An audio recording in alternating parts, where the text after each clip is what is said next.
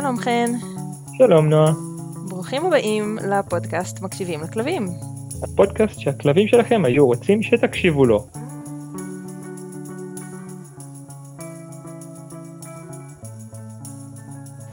שלום נועה. אהלן. מה שלומך? עייפה. כן, כן, בזה אני יכול להזדהות איתך. כן. אבל אה, בואי לא, נח... בואי לא נחפור למאזיננו על צרותינו הפרטיים, בואי כן. נדבר קצת על כלבים. אז היום בעצם רצינו לדבר על מאיפה מתחילים, קצת לגעת בפרקטיקה, קצת פחות בתיאוריות למיניהן, כאילו מן הסתם הכל יהיה כלול בפנים, אבל קצת מאיפה להתחיל. אני עכשיו הבאתי כלב, ואוקיי, מה, מה אני עושה איתו? או הבאנו כלב חדש, או יש לנו כלב שאצלנו כבר זמן מה, בוא נגיד, ורק עכשיו אנחנו החלטנו בעצם אה, לאמן אותו, לחנך אותו, לטפל באיזושהי בעיית התנהגות שקיימת. זאת אומרת, ההתחלה היא לא חייבת להיות כי הכלב הרגע הגיע הביתה. ואני נכון. חושבת שבהרבה פעמים היא לא. נכון, בדרך כלל, הלוואי וכל מי שהיה מביא כלב היה מתחיל בשלב הזה. נכון, זה הרבה יותר קל. אמ, בואי נתחיל מ... מה לפי דעתך הדבר הכי חשוב שבעלים של כלב צריך לעשות עם כלב? וזה לא משנה אם הוא חדש או ישן או... אוקיי, כאילו אמ. בהנחה שבן אדם, לא משנה כמה זמן הוא החזיק כלב או כמה ניסיון יש לו עם כלב, בעצם עד היום לא, לא, לא עבד עם הכלב שלו, לא תרגל, לא, לא עשה שום דבר, הייתה להם שגרה די שגרתית, בלי יותר מדי אינטראקציה ביניהם. איפה הדבר שאת חושבת שצריך להתחיל ממנו?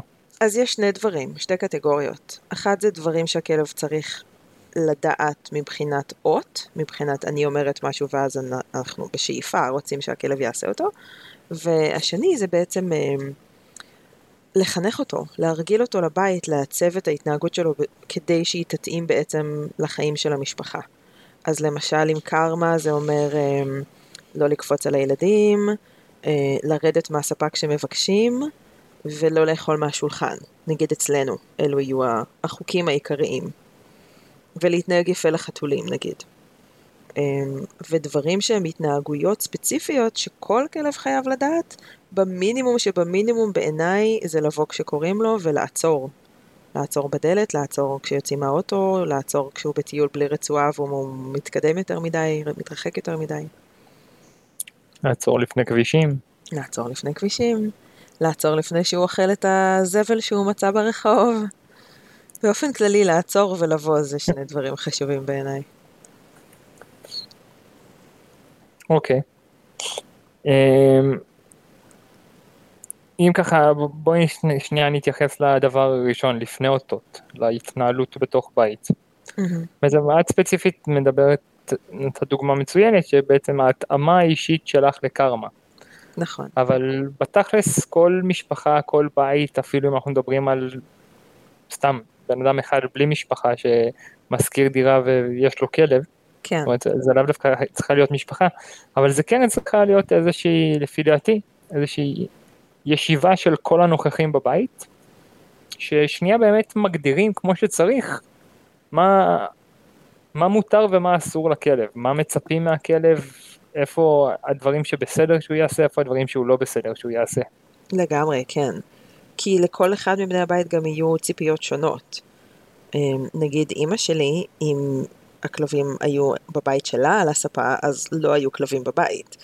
אצלי בבית אני מאוד אוהבת שהם על הספה וכולנו מתקרבלים איתם וזה אחלה, אבל אנחנו גם לפעמים רוצים כולנו לשבת על הספות לראות טלוויזיה ביחד ואז אין מקום לכלבים, אז אנחנו גם צריכים שהם ירדו. אז כל אחד מבני הבית יש ציפייה שונה, אמ, וזה מאוד חשוב לעשות את הישיבה הזאת ורגע להחליט ביחד על אילו כללים כולנו מסכימים, על אילו כללים אולי חלקנו מתפשרים, ומה בעצם מצפים מהכלב. עכשיו, או, הייתי כן. מוסיפה לזה רק, כי בדרך כלל אנשים מנסחים את זה בתור מה הכלב אסור לו לעשות. אני לא רוצה אותו על הספה, אני לא רוצה שהוא יקפוץ, אני לא רוצה שהוא יאכל מהמטבח, וכן הלאה וכן הלאה. שזה בסדר גמור בישיבה הזאת, אבל אחר כך מישהו צריך לשבת ולתרגם את ה- מה לא לעשות האלה למה כן, איך אני כן מלמדת את הכלב לעשות משהו שמשיג לי את המטרה. אז למשל, אם אני לא רוצה שהכלב על הספה, מה אני יכולה לעשות? כן לרצות שהוא יהיה על הרצפה, או במקום שלו, או על השטיח. נכון, להחליט איפה הוא כן הולך להיות, ואז ללמד אותו את זה, את המה כן. וזה, וזה אוקיי. קצת מורכב, אז אנחנו נצטרך לדעתי כן, כן. אה, להיכנס לדוגמאות האלה. כש... אז- אז קודם כל אני חושב שזאת באמת נקודת התחלה מאוד מאוד טובה. זאת אומרת, אני כן חושב שצריך להיות שנייה איזשהו תיאום ציפיות בין כל בני המשפחה, זה קודם כל, מהמם. כי, כי אם זה לא מדברים על הדברים האלה, זה יכול לייצר הרבה בעיות גם בין בני המשפחה. זאת אומרת, סתם, יש זוג, אחד אוהב שהכלב על הספה, השנייה שונאת שהוא על הספה, ואז הבן זוג בא מעלה את הכלב על הספה, ואז השנייה סתם מתעצנת, ואז סתם יכולים להיות טאקלים שאם מראש היו מבהירים שאם לכלב מותר או אסור להיות על הספה, זה היה פותר את העניין. שנית כל, לכלב זה יוצר המון המון המון תסכול ובעיות, שיש אי התאמה בין הציפיות מבני הבית. נכון, אין עקביות. כן, אז באמת הייתי ממליץ להתחיל מלראות, ואנחנו תכף ניכנס לכל מיני דוגמאות למיניהם, למה הציפיות שלנו מהכלב בבית. עכשיו הדבר השני, זאת באמת גם הזדמנות מאוד טובה לשבת, אם זה לבד, אם זה עם כל בני הבית וכאלה, ולהתחיל לנסות לתרגם בתוך הישיבה עצמה את אותן התנהגויות במקום מה אסור או מה אנחנו לא רוצים, מה אנחנו בעצם כן רוצים שיקרה. ש, שזה זה מבחינתי היה החלק הכי מאתגר ללמוד כשנכנסתי Hmm. לתוך הפורס פרי, כן, להתחיל להפ- להפסיק להשתמש במושג לא, להפסיק להשתמש במושג אסור, אני, אני לא רוצה, אלא להתמקד במה כן רוצים, מה, איך הדברים כן צריכים להיות. זה הופך אותם ללהיות הרבה יותר פשוטים לביצוע. נכון, וגם אולי זה זמן טוב להזכיר שבאמת אפשר ללמד גבולות וחוקים של הבית, ו- וכולל מה אסור לעשות במרכאות, על, על בסיס של חיזוקים חיוביים. זאת אומרת, אם ניקח את הדוגמה של הספה, אז קודם כל אפשר להחליט שמותר לכלב על ספה מסוימת, או על כורסה מסוימת, ועל השאר לא, וזה בסדר. אמ, הכלבים חכמים מספיק להבין את ההבדל, אנחנו נצטרך להיות חכמים מספיק כדי ללמד אותם את ההבדל. ודבר שני, אני לא צריכה להעניש את הכלב או לצעוק עליו או לגעור בו כדי שהוא יבין מה לא לעשות. אני רק צריכה ללמד את האלטרנטיבה שאני בוחרת בה בצורה מספיק חזקה כדי שזאת תהיה גם האלטרנטיבה שהכלב בוחר בה. אז אם זה לא לעלות בכלל על הספה, סבבה. בואו נחזק המון המון המון המון המון עם חיזוקים ועם אה, חטיפים וליטופים והכל, כשהכלב נשאר על הרצפה לידינו כשאנחנו על הספה, או כשהכלב רוצה לעלות על הספה ואנחנו רגע בעדינות ככה עוצרים אותו, ואז הוא מקבל מלא מלא מלא חיזוקים. זאת אומרת, החוכמה בללמד את הכלב מה לא על בסיס של חיזוקים חיוביים, זה לתפוס את הרגעים לפני שהוא עושה את הדבר הלא רצוי, ודרכם לבנות את האלטרנטיבה. אמ, כן, אז תמשיכי. אמ, יופי. היינו בלתת כל מיני דוגמאות לסיטואציות לאיך. לנצל. כן. אז, אז בוא נדבר על איזה עוד אה, חוקים או כללים כדאי או חשוב שיהיה בבית. אה, לאיזה דברים אנשים בדרך כלל מתייחסים. מה הלקוחות שלך מבקשים. אוקיי, אז אה, בוא ניקח לדוגמה את הדברים שאת אמרת, לקפוץ על אנשים. הרבה כלבים שברגע שמישהו נכנס הביתה נורא מתרגשים, קופצים עליו, והשאיפה היא ללמד את הכלב לאל תקפוץ על אנשים. מה זה אל תקפוץ? איך זה נראה? תסבירי את השאלה. מה, זה, מה הכן של הלא לקפוץ? אה, אוקיי, כן, זהו, אז, אז במקום לא לקפוץ, אה, הביטוי הוא בוא כשאתה עם ארבע רגליים על הרצפה, תקשקש בזנב, תשמח, נתכופף אליך, נלטף אותך, נאכיל אותך, אבל תישאר עם ארבע רגליים על הרצפה. אוקיי. אפשר גם להגדיר שהכלב יושב במיטה שלו כשבאים אורחים, או שהכלב אמ, נשאר מעבר לקו מסוים על הרצפה, קו ויזואלי, כן? לא סתם קו דמיוני. זאת אומרת, אפשר להגדיר את בכניסה ה... לסלון, בכניסה לחדר, בכניסה כן. למעבר. כן, כן, או חדר צדדי, או תלוי איך הכניסה לבית נראית בגדול. אני, אני מאוד אוהב את הפתרון של ה... ללמד את הכלב לגשת למקום שלו ולחכות לאות שחרור כשאנשים באים. זה בעצם, חוץ מאשר קפיצות, זה גם עוזר לכלב להפסיק שנייה את ה... אל תנבח ותקפוץ על הדלת כל פעם שיש דפיקות בדלת, או צלצול של הפעמון. זה מלמד אותו בעצם אלא... לרוץ למקום אחר. בדיוק, זה לקחת את הדפיקה בדלת בתור הסימן ל... לך למקום, תשב ותירגע עד שנגיד לך לצאת, וזה עושה את כל הקבלת פנים של אורחים להרבה יותר חביבה ונעימה לכולם. כן.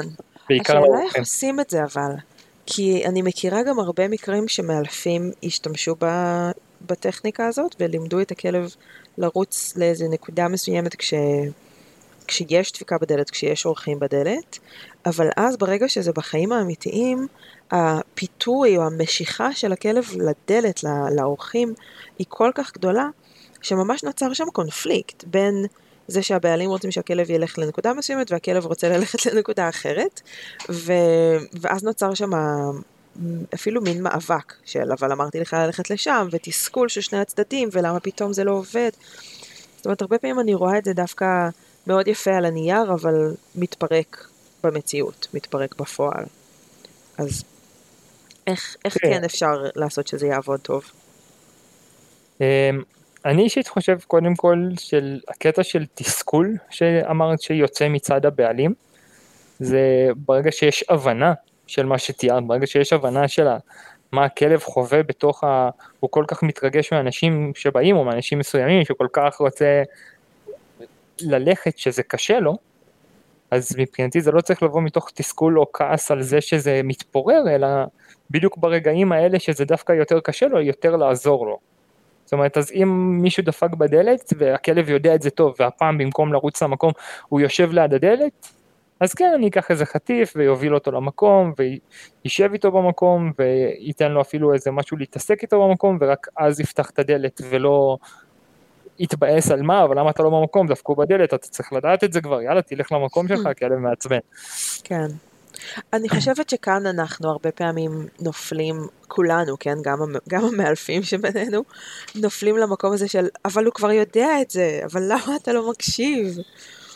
ו- וזה קשה ב- ברגע כשאתה, גם יש לך עכשיו איזה שליח בדלת, וגם הכלב uh, פתאום כן נובח, ורץ לדלת וקופץ, ועושה את כל הדברים שאתה לא רוצה שהוא יעשה, אחרי שעבדת והשקעת זמן ומאמצים בללמד אותו את ההתנהגות החלופית, שזה נורא קשה, זאת אומרת, זה, זה מתסכל, זה, זה אפילו מכעיס, של די, נו. כבר עבדנו על זה מלא. נכון, אבל אה, אין מה לעשות, אנחנו מתעסקים עם יצור חי וזה מה שזה דורש. זה דורש לאף שיעור לא נגמר אף פעם, וכל גירוי תמיד יכול לבוא חזק יותר מעבר לרף סף של הכלב. אתה יודע מתי, אה, אתה יודע מה אני עונה כשלקוחות שואלים אותי מתי אה, נגמר האילוף של הכלב? אוי לא, זה נשמע תשובה עצובה. כן, כשהוא מת. כן. כי אנחנו כל החיים לומדים, אין מה לעשות. הייתי אצל לקוח. וגם, כאילו תרגלנו את הקטע הזה, ווואלה, עכשיו תרגלנו את זה רק בהתחלה, ובהתחלה לוקח לכלב המון זמן ללהבין שדפיקה בדלת כשמישהו מגיע אומר להיכנס למקום, כי ממש רק בתחילת הדרך. סבבה לי. אז בן אדם דופק בדלת, ואתה אומר לו, אוקיי, רק רגע, כבר באים לפתוח, והוא יחכה בסבלנות, אף אחד לא, זה לא שאם עכשיו מישהו בדלת ותצעק לו רק רגע אז הוא ימשיך לדפוק כמו משוגע, וזה לא שהוא יתחיל לצלצל בפעמון כמו משוגע, וזה לא שהוא ילך.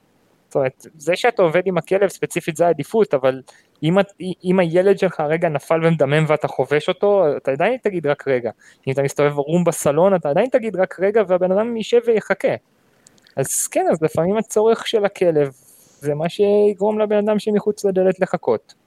כן. הוא יחכה וזה ייקח בדיוק שתי דקות, זה לא עכשיו שעה שהוא צריך לעמוד שם. שתי דקות ו... מרגיש כמו שעה, אבל אפשר גם לשים uh, פתק על הדלת באופן קבוע לתקופה של האימון, ולהגיד... תדפוק ותחכה.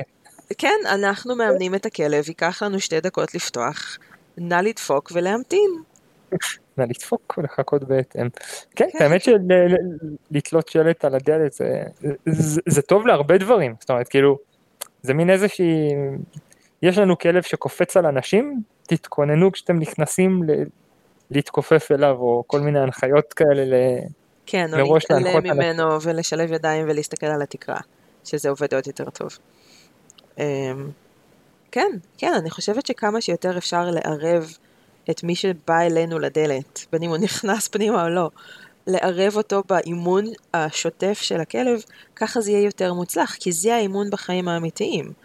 כמה שלא נביים את זה, וחשוב בעיניי גם החלק של הביום, לגייס חברים של הילדים, ולגייס את השכנים, ולגייס את החברים שלנו, ולעשות ככה שבוע, שבועיים שכל יום מישהו דופק בדלת, לפחות פעם ביום, בתיאום איתנו, ואנחנו מוכנים לזה וערוכים לזה ועובדים עם הכלב. אמ, ואז לאט לאט גם ייכנסו האלמנטים של פתאום בא שליח, או פתאום באה שכנה, או פתאום בא מישהו, בלי שאנחנו בעצם מוכנים לזה, ואז הסשן מתחיל בספונטניות, בוא נקרא לזה. אמ, אבל גם את הרגעים האלה אפשר לערב עם, עם שלט קטן וחמוד על הדלת. אה, אפילו הייתי שמה שם איזה קערת M&M's או סוכריות או משהו של כאילו, קחו תמתינו ברוגע כזה, תהנו שנייה מאיזה ממתק. אני לא הייתי סומך על הילד של השכנים שייתן לזה להישאר שם הרבה זמן. טוב, זה גם נכון. אבל אה, לא, אני חושבת שאפשר פשוט לנצל את, ה, את הרגעים האלה ובאמת להפוך את זה לסיטואציה חיובית עבור כולם ולא רק עבורנו, שיופי לנו שאנחנו מאמצים את הכלב, בינתיים אה, מייבשים אותי פה ויש לי עוד, אה, עוד משלוחים לשלח. או... להדביק טאבלט על הדלת עם הפנים כלפי חוץ שיוכלו לשחק במשחק. הכנו לכם אנגרי ברדס. כמו במסעדות, תחרות בין המבקרים בבית. כן, לגמרי. אה, אוקיי. רגע, היה לי עוד משהו להגיד על זה. כן, אה, זה בדיוק הזמן. שגם אפשר פשוט להגיד שזה לא מתאים לכלב הזה. כי, כי עדיף לעשות את זה אחרת. נגיד עם קרמה, הכי טוב זה פשוט לפתוח את הדלת ולתת לה ללכת החוצה להגיד שלום. ואז היא עושה סביבם סיבוב, הולכת מריחה, היא למדה לא לקפוץ, כי אנחנו יוצאים איתה וככה עוזרים לה לווסת רגשות בהתחלה. היום אם אני פותחת את הדלת ומישהו בחוץ, אז אני פשוט שולחת אותה להגיד שלום, היא עושה סביבו סיבוב, אולי לפעמים אם יש לה מלא מרץ אז היא גם עושה רונדל כזה קטן סביב, האוטו כזה, אבל uh, בדרך כלל לא. ואז היא נכנסת עם הבן אדם, וזה הרבה יותר קל, כי הבן אדם כבר איתנו, ו- והיא כבר ראתה אותו, וזה לא היה בתוך הדלת, במטר על מטר הזה הצפוף, שכולם פתאום נכנסים, וכל האנרגיה שם, ועכשיו איך היא תעשי עם זה משהו. אז זה עוד כן. אופציה. ואופציה שלישית... רגע, אני רק רוצה להוסיף אה, בפן הומוריסטי, שזו דרך מאוד טובה, אבל אני אישית מאוד ייעלב מקרמה אם היא לא תקפוץ עליי כשאני אגיע. אתה יכול להגיד לקרמה לקפוץ והיא תקפוץ. חוץ מזה שקרמה לדעתי תזכור אותך. גם אחרי שנים, כי היא מאוד אוהבת אותך. יופי, חסר לה שלא. אוקיי, והדרך השלישית? הדרך השלישית זה ללמד את הכלב פשוט ארבע רגליים על הקרקע, כמו שאמרנו בהתחלה. זאת אומרת, זה לא חייב להיות יותר מורכב מזה. זה מה שעשינו עם אריק. כל פעם שנכנס בן אדם, פופס, מפילים מלא מלא מלא אוכל על הרצפה. כל פעם שמישהו נכנס בדלת, לא משנה אם זה אנחנו, בני הבית, אם זה הילדים, אם זה הסבתא, אם זה אורח, שכן, שליח, whatever, פותחים את הדלת ויש שם איש, אז גם יש מלא אוכל על הרצפה. וככה הוא פשוט למד שכשהדלת נפתחת, תחפש דברים על הרצפה, ואז זה מכוון אותו לאדמה במקום לכוון אותו למעלה לפנים של הבן אדם, שזה מה שגורם להם בעצם לקפוץ. וזה ממש ממש קל לעשות, זה גם הנחיה שמאוד קל לעשות עם אורחים. אתה שם ליד הדלת מבחוץ אה, שקית חטיפים או כלי עם חטיפים, ופשוט מבקש מהם במשפט וחצי על הדלת, אה, כשאתם נכנסים, נא לפזר אוכל על הרצפה ליד הרגליים שלכם. זהו. וגם אתה, בתור המאמן של הבית, זאת אומרת, לא, לא מאלף מקצועי, אלא בני הבית שפותחים את הדלת, אז גם להם יש חופן על הרצפה. וכשנכנס הבן אדם, אז בתור גיבוי, גם הם מפילים אוכל על הרצפה. וזהו, בזה זה נגמר פחות או יותר. מהר מאוד הכלבים לומדים לא לקפוץ. רק שזה כמו, כמו מה שאמרת לקטע עם ה, למקום, לכלוב, מה שזה לא יהיה, שלפעמים יש כלבים שהגירוי מההתרגשות מזה שמישהו בא הרבה יותר חזק מהרצון שלהם לאכול. נכון. ואז אה, יופי, יש מלא חטיפים על הרצפה, אני קודם אקפוץ על הבן אדם, ילקק אותו, ואז יהיה לי אוכל. נכון, זה גם יכול להיות בעייתי, אתה צודק. כן צריך למצוא את ה... את מה שמתאים לכלב הספציפי. נכון, נכון. אני תמיד צוחקת, כי הרבה מאלפים, אה, שככה לא מבינים מה זה האילוף פורס פרי ואיך עובדים נכון עם חיזוקים וכל זה, אז במשך שנים כולם אמרו לי, אני לא, לא אוהב את הדבר הזה, אני לא אוהב להגביל את עצמי, אני מתאים את השיטה לכלב. זאת אומרת, הם התכוונו שיש כלבים שמתאים לעבוד איתם עם ענישה ותיקונים וכוחניות, ויש כלבים שאפשר גם בלי. ואנחנו פה מדברים בעצם על, ברור שמתאימים את השיטה לכלב, אבל בתוך ה... בתוך הראיית עולם שלנו, של האילוף העדין והמקשיב והמתחשב וההומני וכל זה. אמ, אז סתם זה נקודה שככה, תמיד אני צוחקת על זה. anyway, מה הלאה? כן, okay. יש לי, יש לי. בוא נאתגר אותך. Oh. Uh, אני חושב שזה נכון לגבי 98% מהאנשים שפגשתי לפחות. הם רוצים שהכלב uh, לא ינבח, אסור לנבוח. אוי, אסור. כן. איזה כיף, איזה כיף שכלבים נובחים. אמ, קודם כל אני מסכימה איתם ומזדהה איתם מאוד. אה, בתור אה, בן אדם רגיש חושית, אני לא סובלת נביחות של כלבים. אני בתור בן אדם לא רגיש בכלל, אבל כשמגדל פינצ'ר, אני לא סובל נביחות של כלבים. כן, את הנביחות של ריצ'רד באמת קשה לסבול. עם כל האהבה שלי לריצ'רד. אמ, ויש, אתה יודע שיש הרבה. אמ, אבל זה כלב, זה בא בילט אין. זאת אומרת, אחת הסיבות שעדיין אין לנו קורגי בבית, זה כי הם נבחנים יותר ממה שאנחנו אוהבים. אז בדיוק אתמול דיברתי עם שון, ראינו איזה קורגי ברחוב, ואמרתי לשון, אה, יום אחד יהיה לנו קורגי. והוא כזה, אבל זה נובח. אז, אז כן, אני קודם כל חייבת להגיד, נביחות זה קשה, זה מעצבן, אותי זה מעצבן ברמת, זה עושה לי עצבים בגוף, כן, זה פשוט מפריע לי בחושים, מפריע לי באוזן, אמ, אבל אה, זה חלק מזה שיש כלב. אז קודם כל רצוי לבחור מראש את הכלב המתאים למשפחה מבחינת נבחנות, כי יש כלבים שזה לא מזיז להם. יש אנשים, סליחה, שזה לא מזיז להם. אמ, אז קודם כן, כל לבחור את הכלב המתאים. בדרך כלל כשלא מזיז לאנשים זה רק מחריף את הכלב וזה גורם לשכנים להזיז. נכון, ואז אנחנו באמת מגיעים למצב של והיה וכן מזיז לנו ואנחנו רוצים להפחית את הנביחות, אז קודם כל צריך להבין שזה לא להפסיק את הנביחות, אלא זה רק להפחית. אלא אם, אתה יודע, אנחנו נעשה דברים לא נעימים ולא הומניים לכלב, אי אפשר באמת לגרום לכלב לא לנבוח אף פעם, אלא אם הוא בא ככה מראש. ברואין המיתולוגי שלנו לא נבח כמעט אף פעם. אני חושבת שאפשר היה לספור את כל הנביחות שלו בכמעט 17 שנות חייו על שתי ידיים. אולי שלוש. הוא פשוט לא היה נבחן. ואריק לעומתו נובח כל פעם שהוא שומע את השכן מלמעלה זז בבית, וקרמה כל פעם שהיא שומעת את אריק נובח, היא מצטרפת. אז זה מאוד מאוד תלוי כלב. גם בתוך הגזע, ברואין היה לברדור וגולדן, חצי חצי, ואריק הוא לברדור בלאי, אה, מהרחוב. וקרמה היא קורסו, וכולם נבחנים בצורה שונה ברמה שונה. אבל אנחנו, אני לא חושבת שאפשר לגרום לכלב לא לנבוח אף פעם, ואני גם לא הייתי רוצה לגרום להם לא לדבר איתנו אף פעם, זה הצורת דיבור שלהם, זה התקשורת שלהם. כן, עוד פעם, בואי נדבר על, קודם כל, בואי נתחיל הפוך.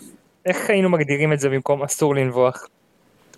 יותר שקט, נביחות יותר okay. אוקיי. שקטות, נביחות פחות זמן, פחות נביחות פר אירוע, נגיד אה, הם שומעים אה, אוטו בחצר, סבבה, תנבח, תגיד לי. ברגע שאני קמה לראות, או שאני אומרת יופי, תודה, שמעתי, אז אתה יכול להפסיק לנבוח, כי העברת לי את המסר, אני לא צריכה שתמשיך לנבוח עליי, תוך כדי שאני קמה לראות מי, מי נמצא שם ומטפלת באירוע, האירוע כבר מטופל. אז... מבחינתך, כל פעם שכלב נובח על מה שהוא רק רוצה להודיע לך, הוא לא יוצר אינטראקציה מול הרכב שנכנס? הוא גם, אני חושבת שזה גם, אבל אני רואה את זה עם המון המון לקוחות, שהרבה פעמים מספיק שאתה קם לטפל באירוע, זאת אומרת, אם אתה ממשיך לשבת על הספה ואומר לכלב, שקט, שקט, די, הבנתי, שמעתי, די, הכלב ימשיך לנבוח. כי... כי לא קמת, כי לא עשית עם זה כלום, ומבחינת הכלב, אוקיי, אבל יש פה אירוע, אתה לא מבין, עוד רגע מישהו נכנס, תקום, תעשה משהו. זאת אומרת, יש בזה כן את האלמנט הזה בהרבה מהמקרים. ואז כשאתה קם וניגש לחלון, או ניגש לדלת, או פותח רגע את הדלת ומסתכל החוצה, אפילו אם אתה יודע שאין שם אף אחד, לפחות בתקופה הראשונה שלה לטפל בנבחנות הזאת, אתה בעצם מראה לכלב, כשאני אומר הבנתי תודה, זה באמת בסדר ואתה יכול לשחרר, כאילו, לשחרר את האחריות על האירוע, לתת לי לטפל בזה, ואז הרבה יותר קל לגרום לכלב להיות בשקט רגע אחרי.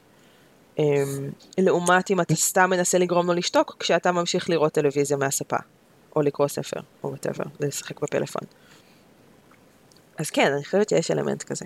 יש גם ברור, אני חושבת שאתה צודק בזה של... הרבה פעמים הם נובחים כדי להגיד למי שבחוץ, היי, היי, יש פה כלב, אל תבואו, כאילו זה שלנו. אמ, אבל בעיניי זה לפחות 50-50. התקשורת מולנו לעומת התקשורת מול הגורם המאיים מבחינתם. את חושבת שאין סיבה ללמד את הכלב שקט מול גירויים מסוימים?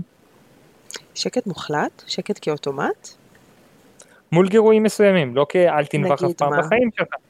נגיד אתה גר בבניין בלי מעלית, אתה גר בקומה ראשונה, יש שמונה קומות, וכל בן אדם שעולה לכל מקום בבניין, כל עובר, הוא נובח בטירוף. אז להגיד לו, תקשיב, אני לא יקום כל פעם שמישהו עובר, זה קורה בערך ממוצע כל חמש דקות. בוא פשוט uh, תלמד להתעלם מהם.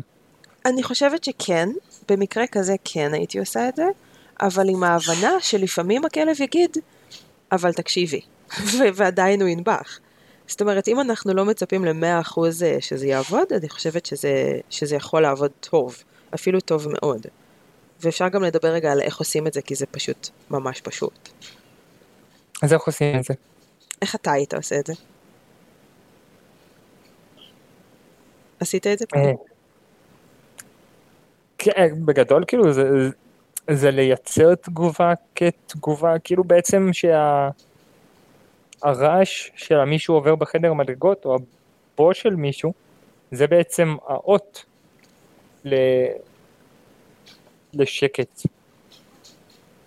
שבעצם ה... אתה מקבל חיזוק כל פעם ששמעת מישהו עובר ולא נבחת. או נבחת כשהפסקת לנבוח.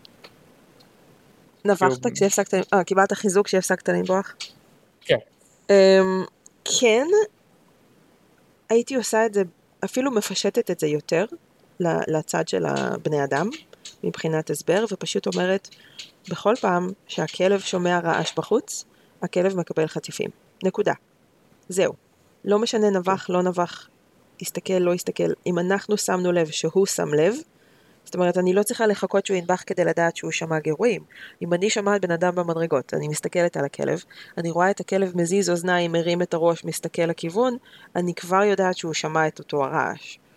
אז ברגע הזה, אני נותנת לו מלא מלא חטיפים.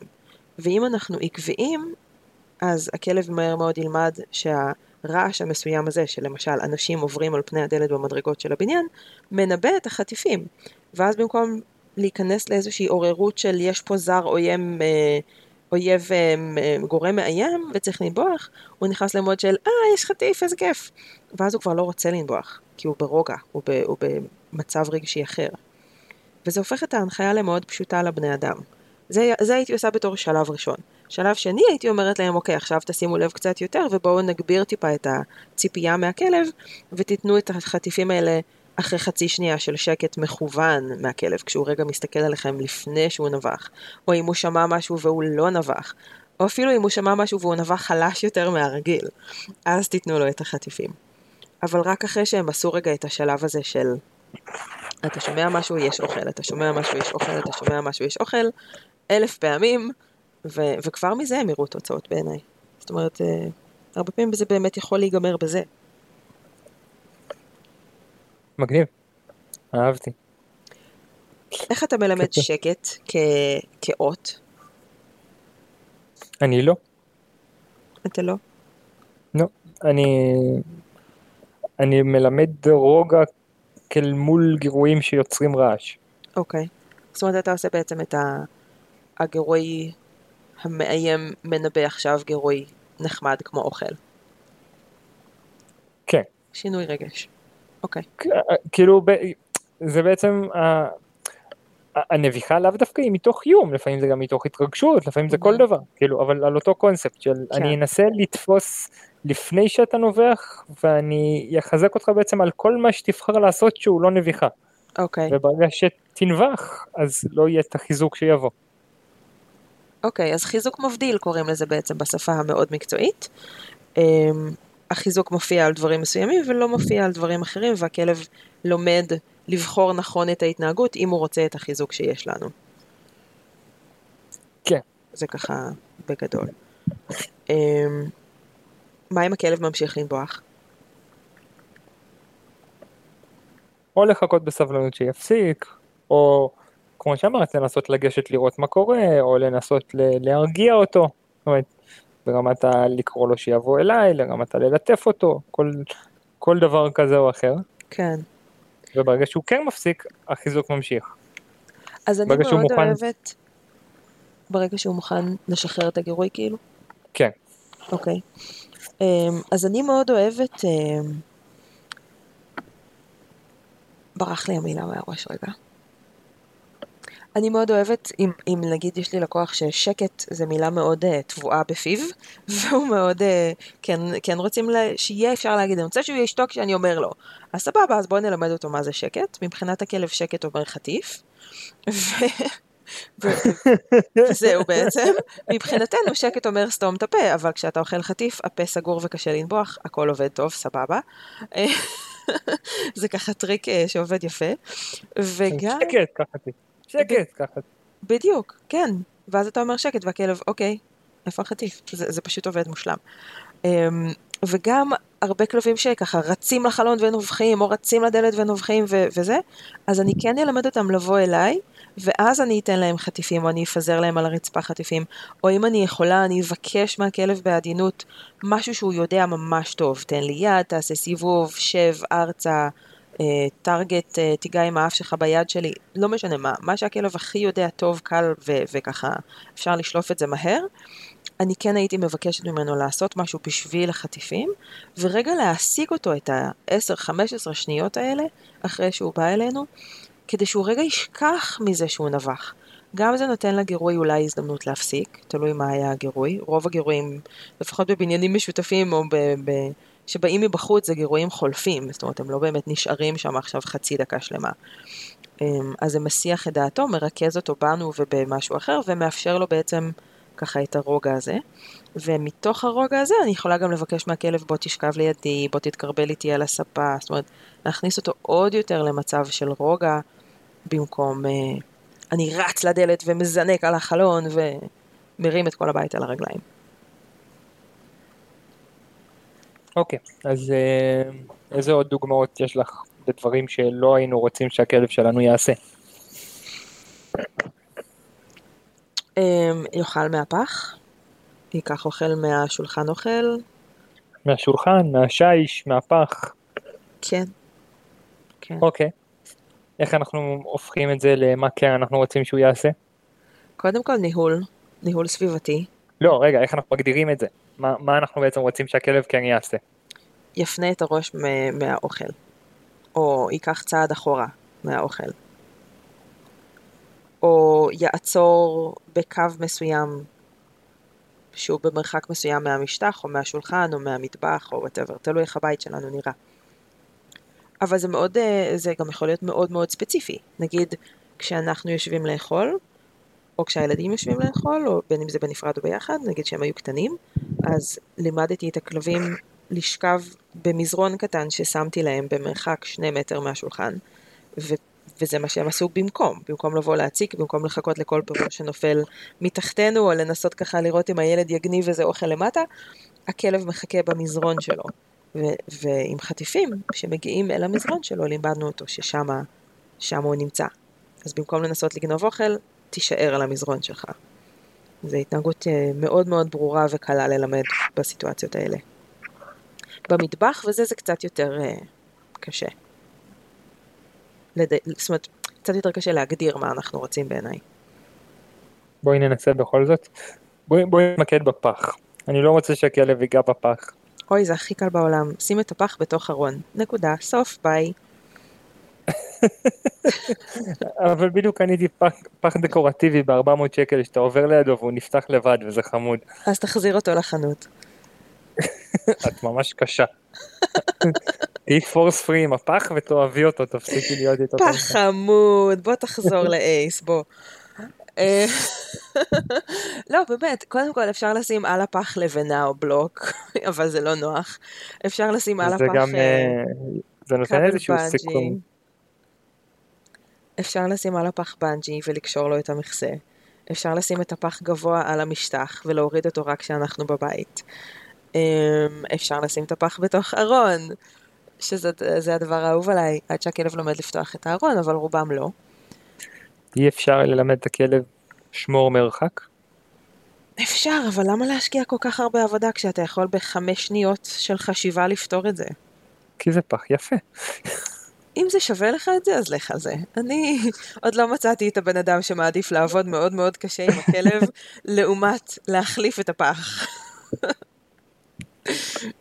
אבל לך על זה.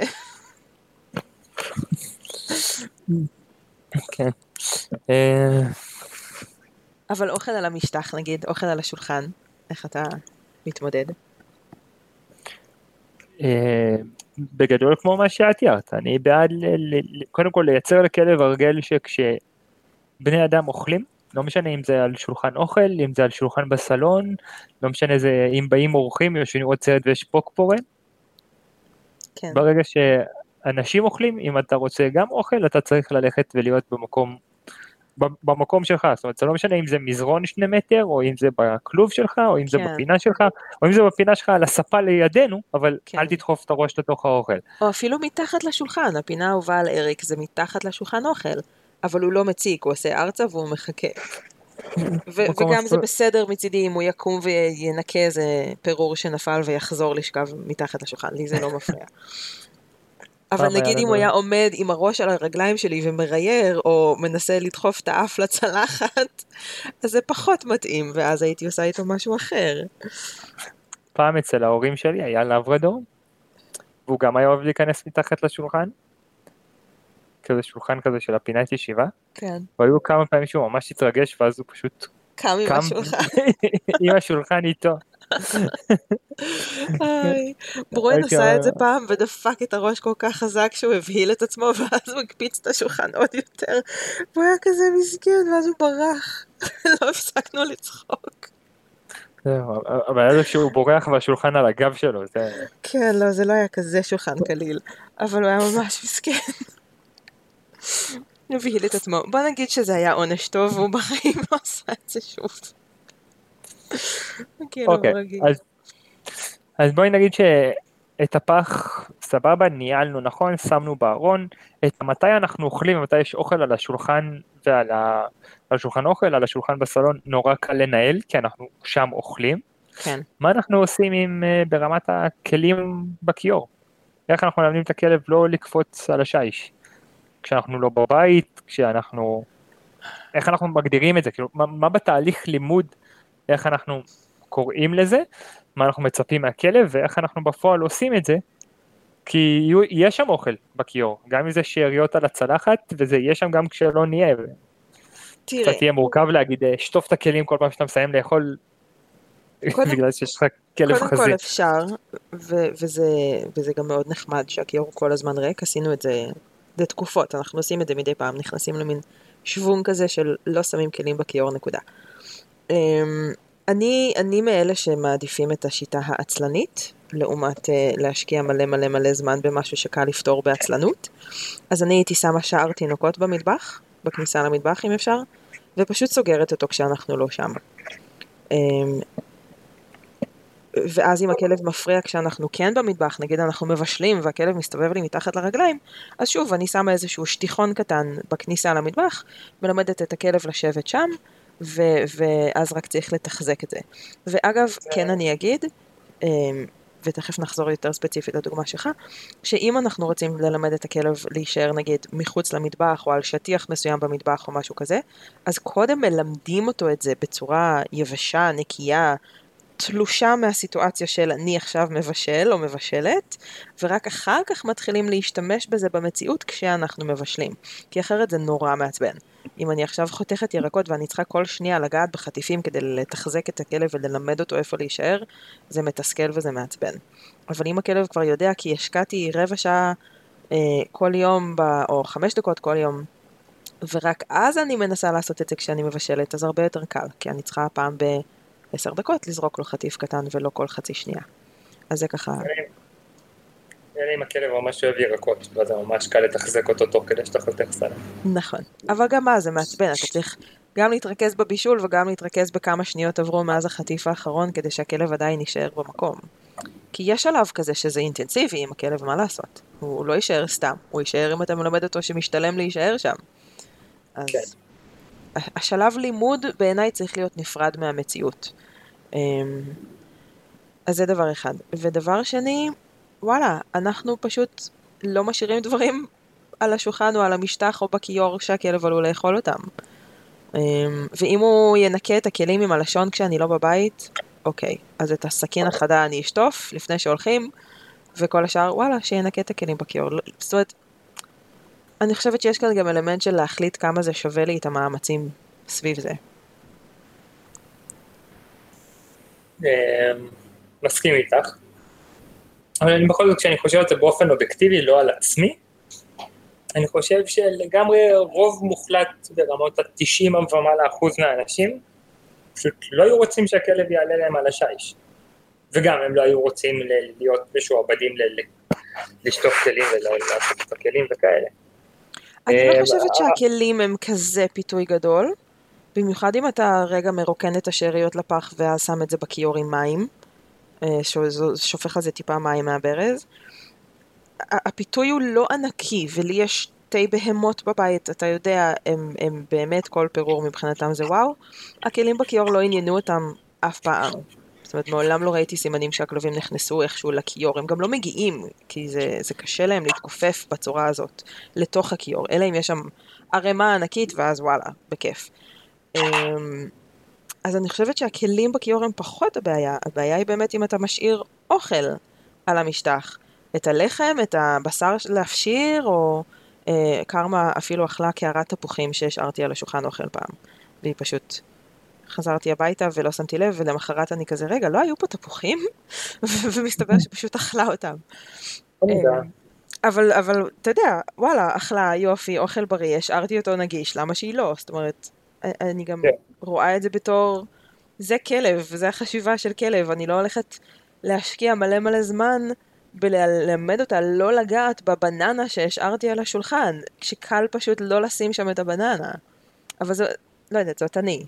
אולי אתה עושה אחרת, או הלקוחות שלך מעדיפים אחרת. אמ, לא, לא בהכרח, זה קצת אה, יותר מורכב ותלוי והכל, אבל... כן, כן. וגם היו לי לקוחות ש... הגענו בהדרגה לנקודה הזאת שהם מבינים שיותר קל להם לשמור על המטבח נקי מאשר לאלף את הכלב עכשיו. אמ, אחרי שהם הבינו שזה דורש מאמץ וזה לא סתם בוא תחטיף לו פליק ויאללה ביי. שזה גם ככה לא יעבוד, כן? זה גם לא משהו שהיינו עושים אבל זה גם לא יעבוד. הפיתוי הרבה פעמים הוא הרבה יותר גדול מעונש שאנחנו יכולים לחשוב עליו. ו- ואפילו דיברנו על מה הומני, איפה הומני, עד איזה נקודה זה הומני וכו' וכו'. אמ, זהו, אני חושבת שהרבה פעמים סביב פיתויים ואוכל וכללים בבית ודברים כאלה, מניעה זה הרבה יותר קל מאילוף, זה הרבה יותר קל. אז הייתי משקיעה... ואני שואלת את השאלה של מניעה, מה זה לכל החיים? תלוי בכלב, אבל כן, למה לא? למה לא שיהיה לך פח סגור כל החיים? למה שיהיה לך פח בארון כל החיים? למה שיהיה לך מטבח נקי כל החיים? אתה יודע איזה כיף זה להיכנס אה, מיום עבודה ושהמטבח עדיין נקי, כי לא השארת בלאגן בבוקר? זה מה כן, זה כיף. כן, זה כיף של לסיים ארוחה, לזרוק את הכל בכיור וללכת לשכב לנוח במקום לשטוף כלים. יש לזה אה, לכאן ולכאן. סבבה, שים שער תינוקות במטבח, וסגור אותו אחריך. זה סוגר לי חצי בית. לא נכון, אני ראיתי את הבית שלך, אל תגזים.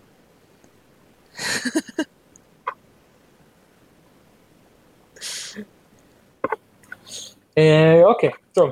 אני חושבת שיש פתרונות. זאת אומרת, בוא נגיד שאני הייתי משקיעה יותר פתרונות בכיוון של מניעה, ופחות מאמצים וזמן אה, אולי תסכול וזה, בללמד את הכלב עכשיו לעשות משהו שלא טבעי לא לעשות. זה אפשרי, זה לגמרי אפשרי, והכלבים שלי, אני יכולה להשאיר דברים על השולחן וללכת לשירותים, או ללכת אה, לחדר כביסה שהוא מחוץ לבית, אה, או ללכת להעביר רגע דואר, או לפגוש רגע שליח או משהו, והם לא יקפצו ויאכלו בדקות האלה את האוכל. זאת אומרת, אה, עבדנו על זה ולימדתי אותם לא לגעת בדברים האלו כשאני שם. אבל אם יצאתי מהבית עם המפתחות ועם האוטו ועם הילדים ועם הכל, אז כן, הם ייגעו בזה, כי הם מבינים גם את ההבדל בין סיטואציות. אז כן. אני חושבת שצריך פשוט לבחור איפה להשקיע את המאמצים ועד לאיזה נקודה ו... ולהבין שזה עדיין כלב בסופו של דבר. ואם אנחנו השארנו פיתוי והכלב אמר, אה, תודה, אז לא לכעוס עליו על זה שהוא כלב, הוא אמר, אה, תודה ואכל. בסך הכל אני מאוד מסכים איתך, שמניעה זה הדרך הכי אידיאלית כן. לנהל דברים. כן, מניעה ופשרה זה טוב ל... לחיים בכלל, למערכות יחסים, לזוגיות. זה עובד טוב גם עם הכלב. אני חושב שזה עוד דברים. כלבים, אה, איזה עוד חוקים? כן. אמ, דיברנו על ספות, אפשר להכליל את זה גם למיטה, אם אנחנו לא רוצים את הכלב במיטה או במיטה מסוימת. אמ, לא לברוח מהדלת, לא לרוץ החוצה כשמישהו נכנס, אוקיי. זה חשוב. אז זה בעצם כמו מה שאמרת, זה עצור. זה בעצם, גם כשהדלת נפתחת, תחכה. כן, כן. ואפילו אפשר להתאמן על זה כל פעם שעוברים דרך הדלת וללמד את הכלב חכה עד ש. ו, ופשוט להזמין אותו כל פעם, נגיד חכה, שב, או לא חייב לשבת, אבל חכה, ואז אנחנו אומרים לו מתי לעבור. בין אם זה אנחנו יוצאים קודם או אנחנו יוצאים אחריו, זה לא משנה. זאת אומרת, אנחנו לא פה בקטע של אה, להראות דומיננטיות או כל השטויות האלה של פעם, שזה מיתוס, אה, למי שלא שמע פרקים קודמים שלנו. Um, לא אכפת לי מי עובר בדלת ראשון, אכפת לי רק שהוא יחכה והוא לא יצא אם לא רציתי שהוא יצא. כי uh, פתחתי את הדלת ובדיוק השכנה ששונאת כלבים נכנסה גם, או... Uh, כן, אריק, אתה צודק. סיפרת לו לשכנה והוא לא אוהב אותה. נכון, בדיוק עבר השכן עם האוטו. כלב טוב, בוא חמוד. אריקו. כלב טוב. אה, אתה כלב טוב. אגב, לשבח אותם, נכון שאתה טוב? הוא בא אליי עכשיו. לשבח אותם כשהם נובחים הרבה פעמים מאוד מרגיע אותם, ואז הם מפסיקים לנבוח. שזה עובד הרבה יותר טוב מאשר שקט, די! וכל מיני אה, תגובות טבעיות של בני אדם לכלב שנובח ומעצבן אותם. תודה, אריק, זהו חמוד. כלב טוב. הוא הלך לבדוק שהוא באמת הלך. אז אה, עוד דברים שבעצם ככה לא היינו רוצים שהכלב יעשה, אז זה כל מיני דברים שאנחנו לא רוצים, כי יש הרבה סיטואציות שאנחנו לא רוצים שהכלב ירדוף אחרי משהו, או ילך לאיפשהו, או ירוץ לאיפשהו, שבעצם ההיפוך של זה, זה כמו מה שאמרנו, שזה ללמד אותו לבוא אלינו. כן. אה, את רוצה קצת להסביר חושב- על איך היית כן? כן, ו- וזה גם מתחבר לי ל... לשאלה שהרבה הרבה לקוחות או, או מאלפים ככה אפילו שואלים אה, מה, אז את אף פעם לא אומרת לכלב לא? אז וואלה, לא, אני לא צריכה אף פעם להגיד לו לא, כי אני יכולה לקרוא לו אליי ואני יכולה להגיד לו עצור, וזה מספיק להכל. עוד לא מצאתי סיטואציה של לקרוא לכלב אליי לא פתר אותה. זאת אומרת, זה, זה, זה נורא נורא בסיסי, אז נגיד הכלב הולך לאכול משהו שאני לא רוצה, אז אני קוראת לו אליי ונותנת לו חטיף, ואז הוא לא אוכל את מה שאני לא רוצה כי הוא בא אליי. זאת אומרת, השתי, השתי, הכלב נד ותקוע לידי כל הזמן, אני רק רוצה שהוא ילך, אליי פחות יעזור. זה כבר משהו אחר. לא. אבל אז יש לך את העצור. אז אני חושבת שעם שני הדברים האלה, אני פשוט לא צריכה אף פעם את הלא. אז זה, זה, זה, זה כזה שתי התנהגויות או שני אותות שהם מושלמים למיליון סיטואציות בערך. אוקיי, קצת אה, לפני שנסיים, בואי- תתני לנו הדרכה לאיך אנחנו מלמדים כמו שצריך את הכלב לבוא אלינו, ואיך אנחנו מלמדים אותו לעצור. אוקיי, בואי נתחיל מילה לבוא. נתחיל מי? לבוא? לא שמעתי אותך. כן, כן, אמרתי, נתחיל מלבוא. אוקיי. אז uh, יש שתי דרכים לעשות את זה.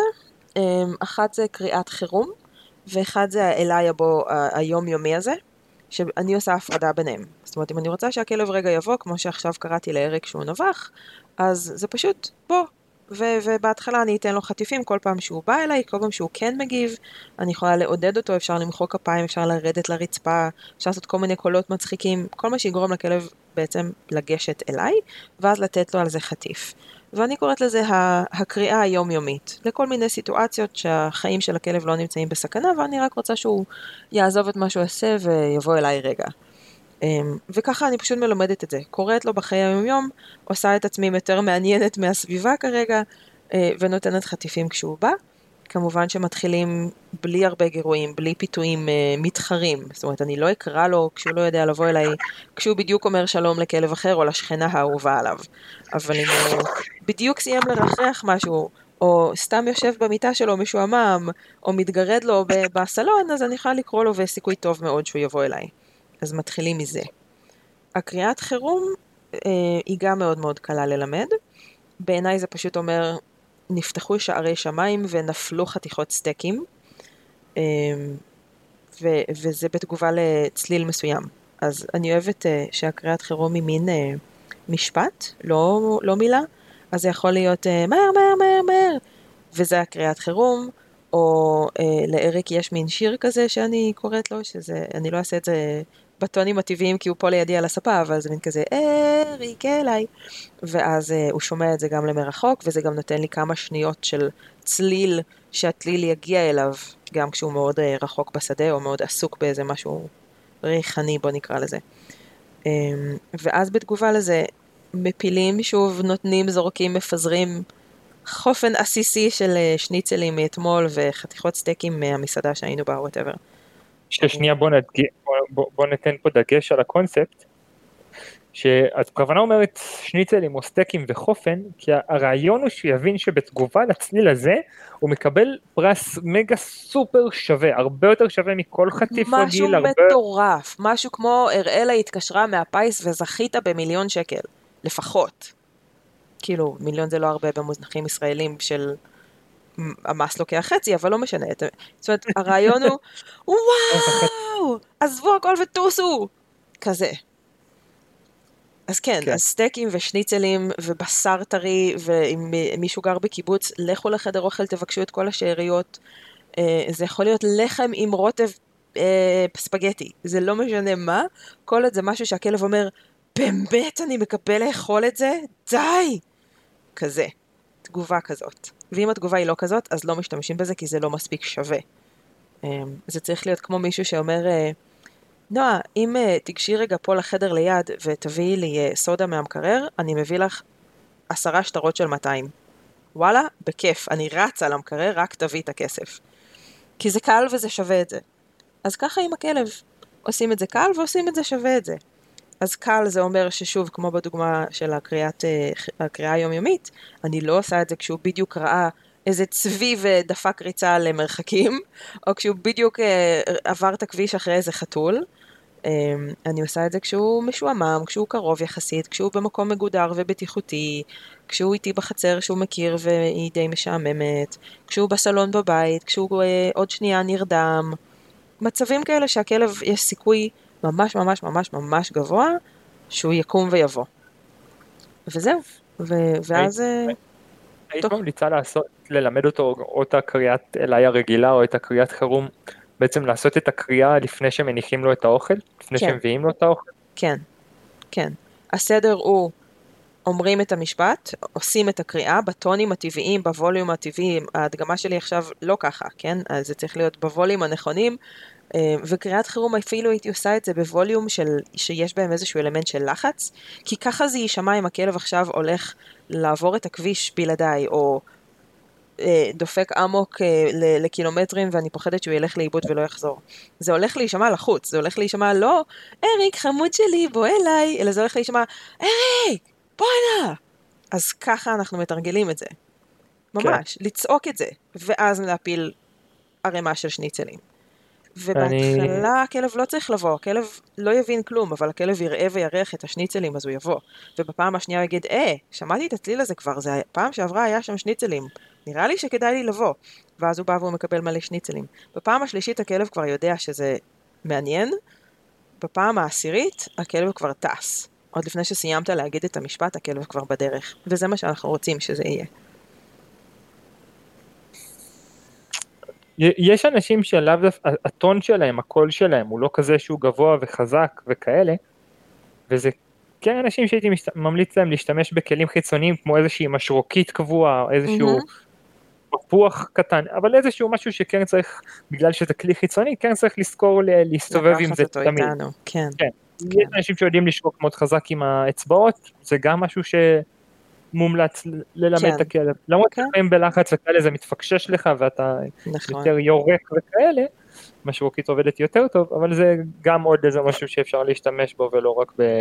נכון, ומשרוקית אפילו תעבוד יותר טוב, או איזשהו צליל אה, אה, מכני או חיצוני לקול שלנו, כי הקול שלנו לא תמיד נשמע אותו דבר, ואז הכלב צריך גם לעשות איזושהי הבחנה, רגע, קראו לי, לא קראו לי. אה, משרוקית תמיד תשמע אותו דבר, השריקה, זאת אומרת הנשיפה צריכה להיות בדיוק אותו הדבר כל פעם, אה, או כמה שיותר דומה. ואז הרבה יותר קל לכלב, המוח שלו אוטומטית קולט, כן זה אותו הצליל, כן זה אותו הטון, כן זה האות שלי, כן כדאי לי לבוא כי יש בשר. וזה פשוט מפשט את התהליך למידה עבור הכלב. כן, זה כן. אבל אני הייתי מלמדת שניים אפילו. לכלבים שלי יש אה, אחת, שתיים, ארבעה. ארבעה צלילי חירום, ועוד אי אלו בוא הנה ובוא לפה ובוא רגע וכאלה. כן. אמ, הבעיה רק שצריך לתחזק את כל הקריאות חירום האלה. זאת אומרת, צריך להשתמש בהם מדי פעם ולתת את החופן הזה, וגם צריך לא להרוס אותם. אתה רוצה להגיד רגע איך לא הורסים את הקריאה של הכלב? לא... א', קודם כל, לא משתמשים בה בלי שהוא מקבל את החופן בסוף. נכון. שנית כל, לא משתמשים בה שוב ושוב ושוב ושוב כשזה לא עובד. זאת אומרת, אם עכשיו הגירוי גדול מדי ואתה קורא לכלב והוא לא בא, אז אתה לא פשוט יושב במקום וממשיך לצעוק ולצעוק ולצעוק ולצעוק ולצעוק ולצעוק עד שהוא בא. נכון. זה רק עוד יותר לא יעבוד. נכון, ואתה הורס את כל מה שעשית עד היום. כן. אה, איזה עוד דברים אתה ממליצה לא לעשות כדי לא להרוס אותות? אמ, לא לתת לו משהו לא שווה בתמורה, ולא לקרוא לו לדברים לא נעימים. שנייה, שנייה, שנייה, שנייה, תעצרי פה הכל.